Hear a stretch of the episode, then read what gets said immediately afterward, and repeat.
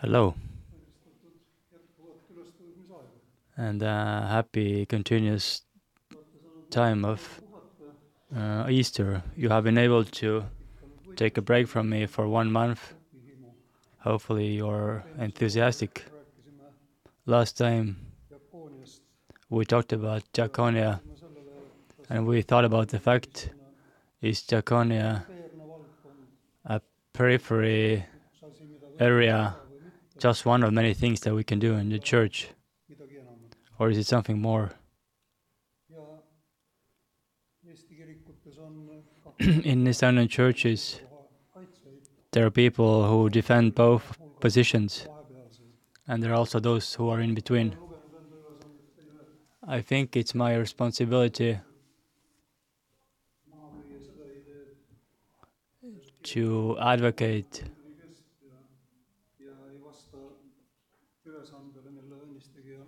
uh, for the fact that uh, we have been given to do diaconia by the by our Lord, and it is a central, important activity that, that is related to sacraments.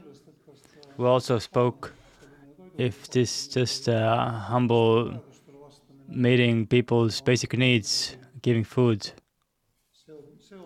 or that, is it also associated with prophets and Jesus's uh, proclamation and mission? And I'd like to continue with this. We talked about prophets. Hopefully, you're able to take some notes and to remember. Uh, we're able to remember something. But how during the last centuries, how the view of Diaconia has developed during the last centuries with uh, along with um, development of society. This is significant. I sent you some materials about Diaconia. One uh, little or two things. Uh, one is uh, handbook of Diaconia. The other one is also something similar. I can leave these copies here if you want to them. Don't mind the fact that this is a rather old book. It was published 1992. It was actually ordered from Finland and then it was translated and published here. But principles are the same, still same, even though environments change. And second book, there I advise you to read Estonian Diaconia history by Riho Saard. I'm not going to cover this topic here.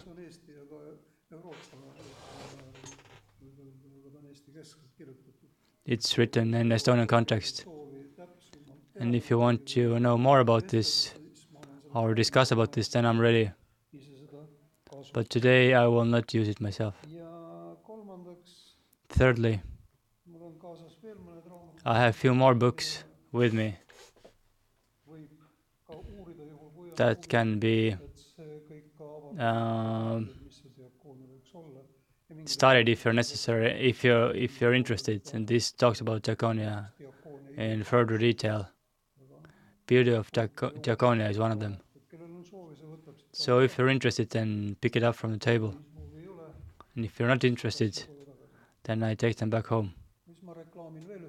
Another little book that I want to promote this is called uh, Road Sign for a beginner leader.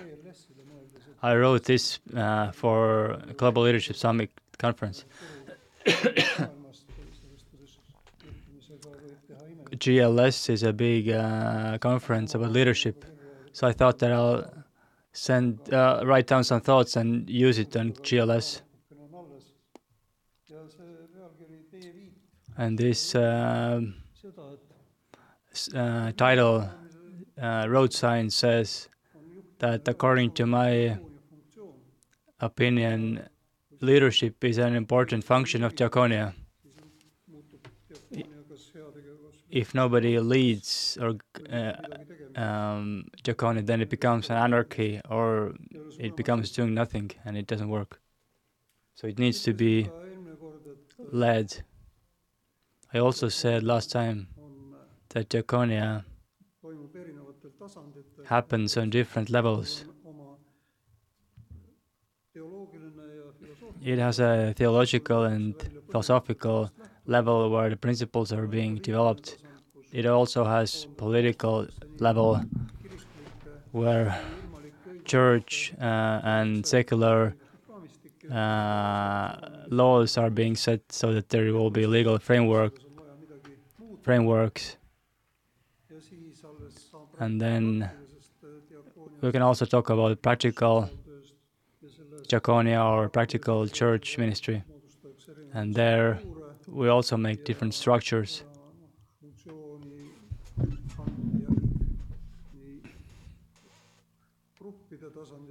on group levels and on individual levels.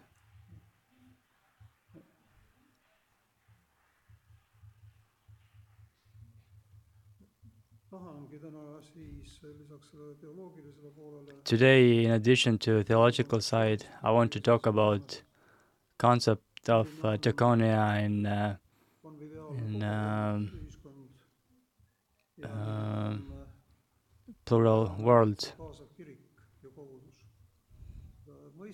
pluralistic world, I should say.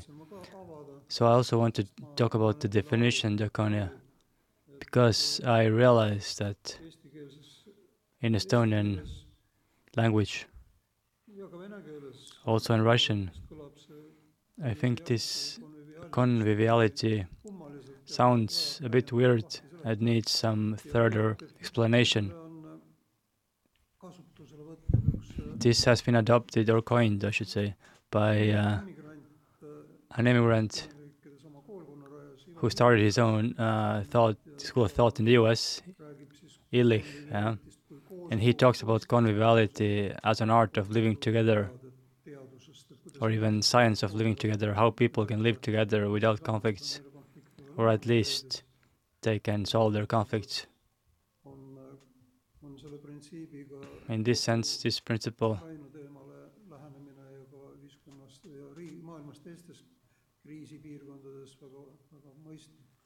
this is a good uh, um,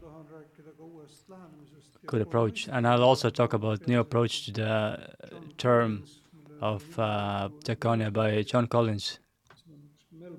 John Collins is a Melbourne-based theology teacher and a teacher of uh, social sciences. He has written different books where he has uh, talked about this new approach which says that diaconia is not only humble serving, but it also incorporates a lot more. Diaconia is organized, structured, institutionalized activity. And this also relates to your home tasks, which we have agreed upon but I'm also open to giving further explanations or taking questions on this.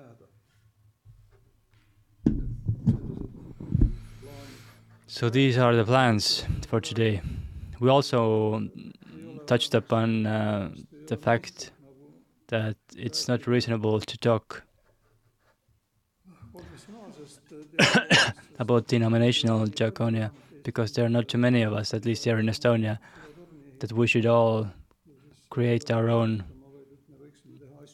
thing here, but we should do instead things together. So if you're interested, then I can talk about some examples where we have done diaconia together in cooperation with different churches and denominations, or what else could be done. This is, I mean, diaconia by its nature is already denominational or interdenominational.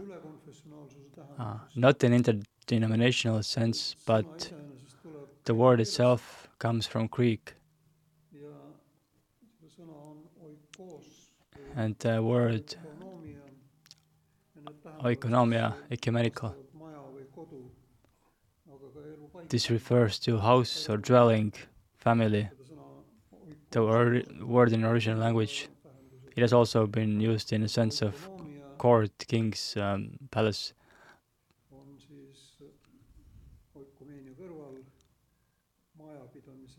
But oikonia is stewardship in a house. In Estonia, we also talk about economy, which comes from the same root. Means keeping a house, stewarding a house, leading, etc. That uh, it will be possible to live in this house. And to me, this house also means this um, community and society. And I'll talk about these things today.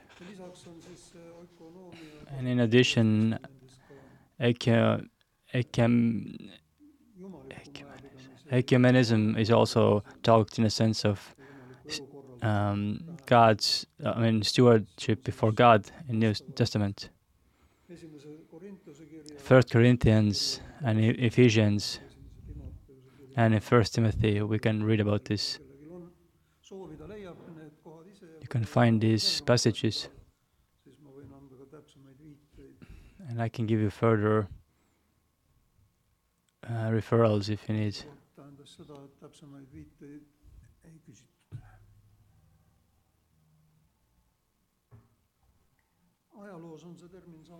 In history, this term has received different meanings, and one more interesting one. Here I refer to uh, teacher Tringap. She is ah she's um, she's a pastor yeah in Tartu, and she has said that one of the uh, interesting uh, explanation it comes from the Eastern Church and it means solving situations and problems. And she says that in today's ecumenical discussions, we can see this.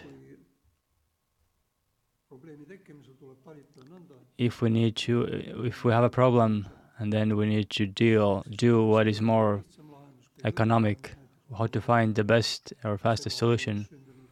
For example, if we talk about baptizing children and mixed marriages, etc or about how to how to create do marriages between different from different denominations. For example, in Harkujärve Community Church, we had one uh, couple came to me, young couple, uh, just last week, and one was from Lithuania, Catholic, and lady was from Estonia, from Jaani Lutheran Church, and they wanted to baptize their child. I didn't want to make it very difficult the situation, and we just agreed upon the date when the child is being baptized and how it works. They were both happy with this. And there's another instance or case when a married couple that I had married a few years ago and they had a child, I asked, How is it with baptizing their child, and they thought that they have come to a conclusion that their child needs to decide when uh, he grows up. And uh, I can only respect this uh, opinion. This is also coming from the, um, you know, being economic, so to speak. Yes, we can read the Bible you know, and study about this topic and find different theological reasons. But uh, there was a place where I, I felt that I need to just respect the decision. I also said that diaconia is structured. In Acts, we can read in chapter 6 an example of this where out of apostles is being made a team of seven men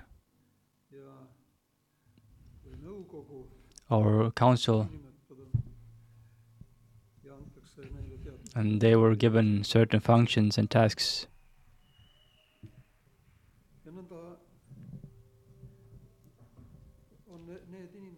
So these people who are in fellowship together, they can and they have to structure their fellowship in order to be more effective and more functional. So diaconia is uh, co combined with, uh, you know, the supper of love or other things such as this.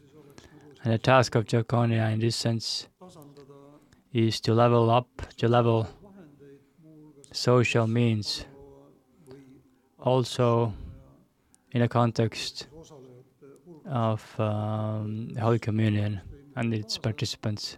You remember everyone told something for the feast, and those who had more, they had to share their resources with others who didn't have as much in the New Testament. That's how gradually in first Christian churches uh, principles of structure started to develop. And these men or diakons, diakons, back then, it is both uh, verb and noun in the New Testament, diakon. And it, it appears almost 100 times in the New Testament. Their task was to take care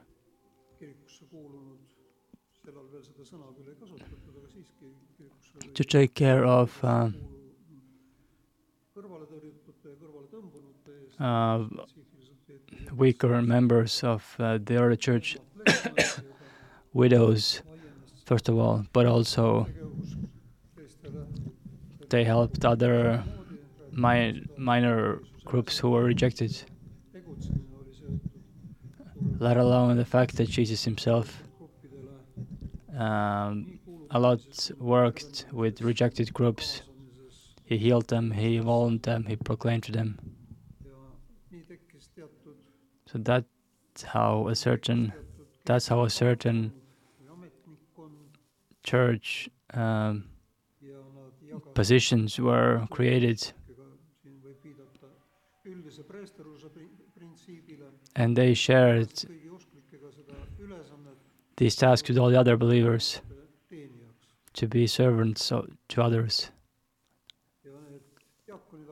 These diakons started to use later, or second century at least already. Actually, already in the end of first century.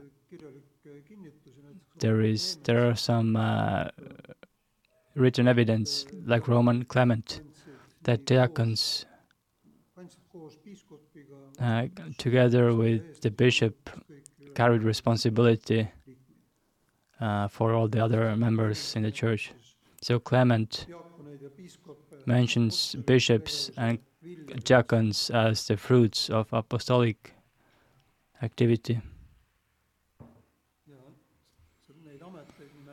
And these um, professions or uh, positions are mentioned in the first letter of Timothy.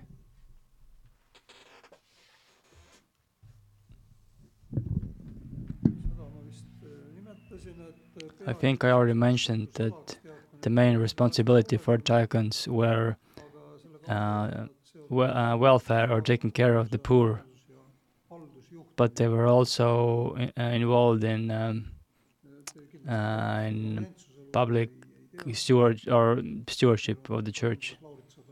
You know this story about Saint Lawrence. Lawrence uh, is a diacon. I'm not very good storyteller, but the point of the story was that Roman governor uh, went to a certain church, rode by on his horse, and asked that all the wealth will be given to him that belonged to this church. I don't remember his name, this governor's names, but I remember the name of this Christian. His name was Lawrence, who said that give me some time. I have so much wealth that I'm not able to give it over to you right now. So he was given two or three days. And when soldiers came back to take the wealth, St. Lawrence,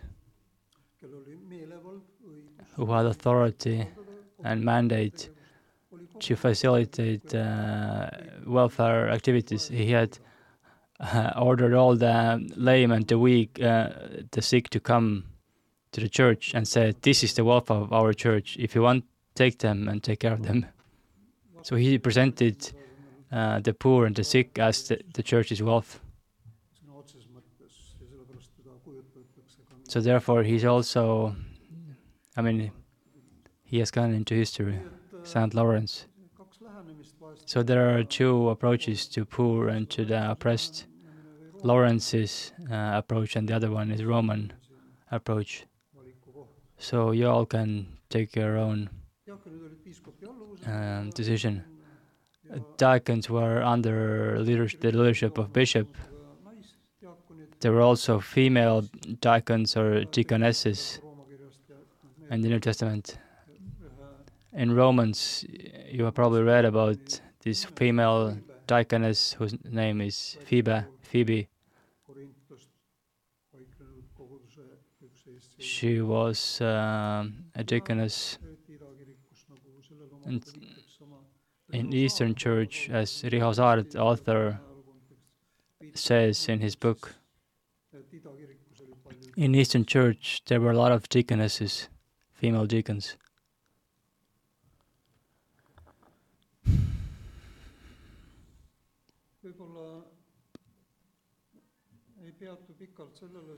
I'm not going to um, talk too much about this, but in terms of uh, uh, but biblical activities, I mean, sorry uh, about the history. I didn't want to talk too much about history, but in terms of still, I have to mention that in relation to uh, orders, when orders were started and monasteries were started, then this um, providing help uh, started to um, consolidate in certain parts of the church.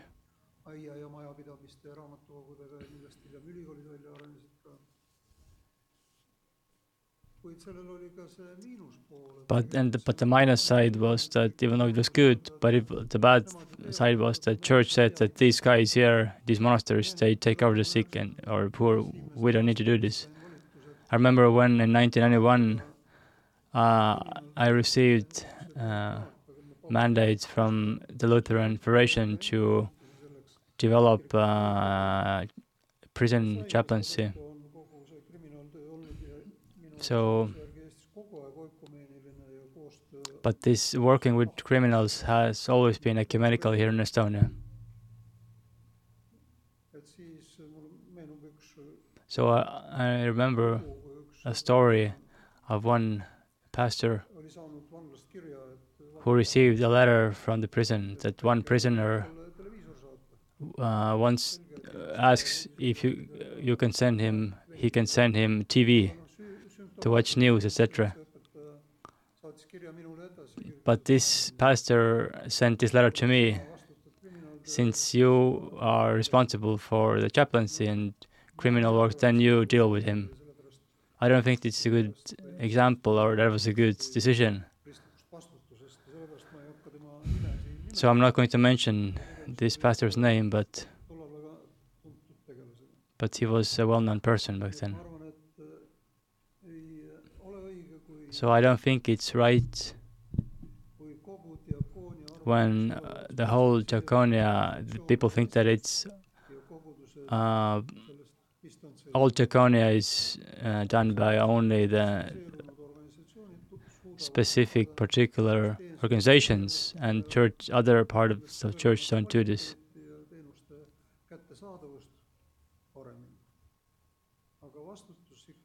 but the responsibility is connected to the general priesthood and uh, duty of service, responsibility, or principle. So this medieval period was followed in European cultural room. Uh, welfare, individualistic, uh, where they practiced individual diaconia, and there were certain names, certain people who did it more than others. In 19th and 20th century, the same thing hap- continued. So certain individuals uh, rose up with whom we associate diaconia or the let's start even with Mother Teresa and Mathilda Wrede, or somebody else big names in uh, um, t- um, welfare. But this means, in a sense we free from responsibility other Christians who should also do this so church was assessed back then in 19th century, but also today, church is evaluated by what it does and what also by what it doesn't do. Already Matthew wrote that Jesus' followers are known by their deeds. And if Protestants have normally said that we are saved only by grace and so deeds are not so important, then this is a half truth. In the sense that yes, we cannot earn salvation with our deeds. But it's wrong in the sense that it's wrong that um, deeds doesn't have important meaning. You know, they grow out from faith, and if we don't see deeds, then we have to ask if there's faith still behind them. And the main form of diaconia is the whole church. Church is diaconical and the church uh, church also proclaims through deeds, through diaconia, the language of deeds.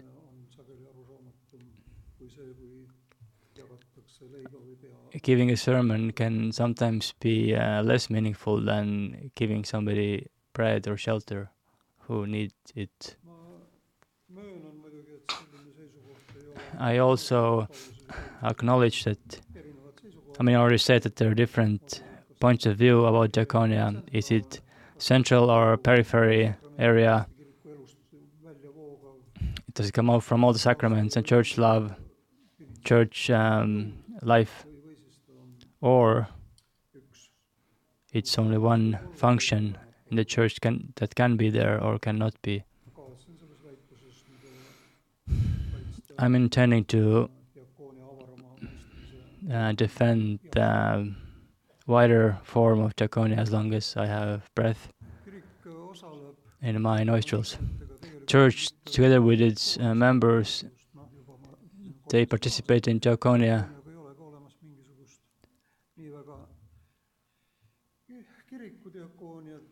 I mean, there is no denomination diaconia, but there's only God, God's diaconia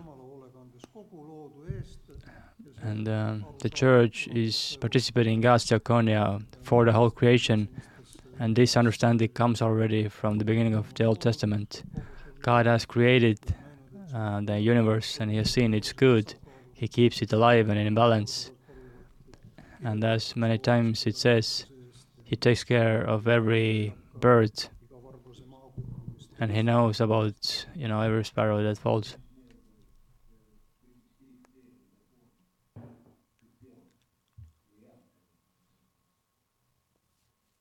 I didn't hear what Ain asked. But the whole church activity is directed to others. I mean, as God's activity is directed uh, to us, then church activities also need to be directed to others, to reach out to others. And this is what we call diaconia. It can become uh, like a wordplay. Eucharistia, is this diaconia? Wiser than I, they answer that diaconia is what follows Eucharistia. So Eucharistia outside of the particular sacrament or ritual. But I say this by simplifying it. Yes, yes. Everything the church does has to be diaconia. Then we can ask, is this worship what we hear from the church? Is this diaconia? If it's a form of service, if you serve this congregation who is here to share, or maybe there's a the wedding there, if you serve this couple there with this song, then yes, it's a form of church life, and this is diaconical.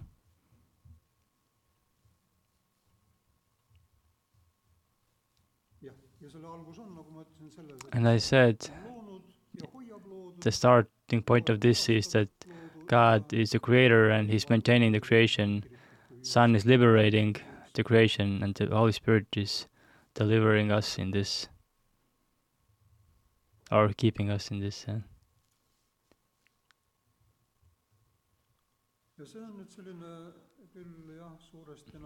And this is by large uh, last century something that became strong last century and this approach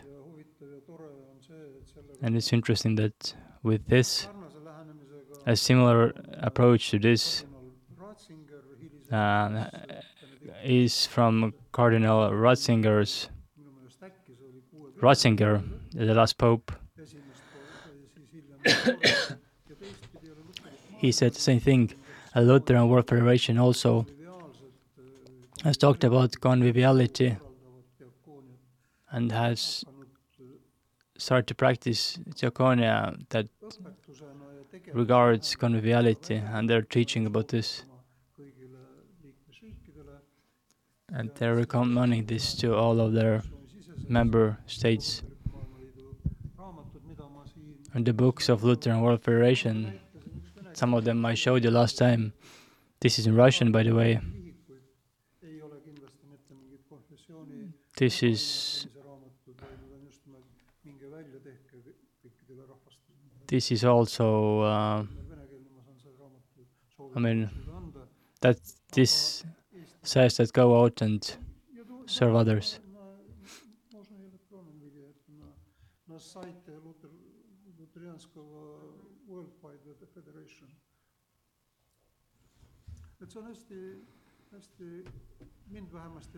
So at least uh, this has energized me a lot, these books.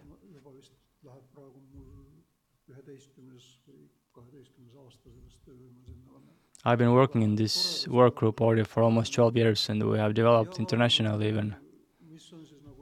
And we have been considering how to develop community or a church either in Manchester or in Kiev or in Tallinn or in Czech Republic or anywhere else. So it's an international work group that has developed these materials.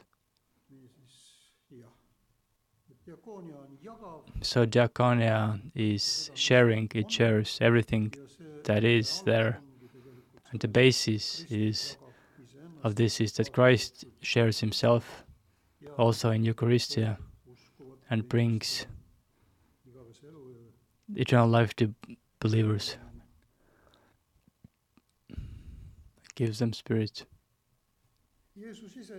Jesus himself also talks about his mission as diaconia. For example, Mark 10, it says how on his way to Jerusalem, Jesus tries to explain his disciples what is his mission about. It's a well-known truth that some even say that the Bible is a reliable source because it doesn't idolize its uh, heroes or these apostles who look like dumb people who don't understand their teacher and or or they're displayed like cowards who leave their master. We are also Jesus' disciples who are simple people. But making visible it is important, therefore I'll come back to the image later. It's one tool that we will be talking about later. But these disciples, in Mark's memories, are interested more in their own position, who will be on the left and right hand of Jesus. So Jesus turns their mindset upside down and says, The Son of Man has not come to be served, but to serve others. The same word, diakonesa. In other words, because of this diakonia, people who are excited about diakonia, they say that Jesus was the first high diakon or example of service. He gave us the example and we want to follow this. And we can also see connection here with the prophets and how they explained the role of Messiah. Matthew writes how the students want to know who the Jesus really is they come, yes, to the testi- uh, testimony uh, in the mouth of Peter that you are Messiah, the Son of God, but they have not still not realized the deeper meaning and what is the mission of Jesus. And this deeper meaning is clearly to serve and to share or give away your, his own life in order to save other people, many people. Again, it may seem inappropriate to some people, but in Good Friday worship services in many churches, uh, people in different churches uh, walked on the cross journey of cross. Uh, I also in my church I I laid this um, journey out on the map of Ukraine. You know these stations where he meets different people and etc. And I gave uh, names of different Ukrainian cities to these stations, and it's no hard not hard to understand that justification and uh, trial was done in Kiev. Was that a good approach? I'm not sure. Some people have sent me letters that this is heresy it's unacceptable, it's making Jesus small. But I have answered that Jesus is in Ukraine. Why do you think that he's sitting in Rome? He's in Ukraine. And actually, the whole Ukraine is carrying this cross right now for us in these, those cities. So I remember that every sincere people will understand this. But it still turned out that some Christians didn't like this approach, that I marked the stations of Jesus Cross on Ukrainian map.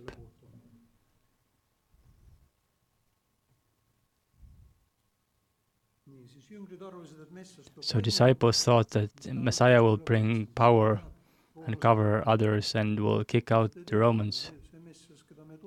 The Messiah that we know,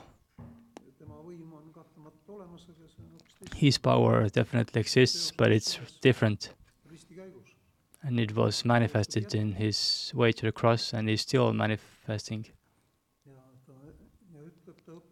And he says, as a te- teaching to others, that those are regarded as rulers, they uh, lord it over them, and they're high official. Uh, they uh, exercise their authority, but any of you who wants to be big must be your servant, or who wants to be wants to be first needs to be everyone's servant. Why? Luke gives clear answer to this. Because of this service, many people will get saved. The Son of Man has come and seek the lost. Your Father does not want that any of those little ones should perish. Matthew 18. 14. So, this is the power of Jesus to serve and to save.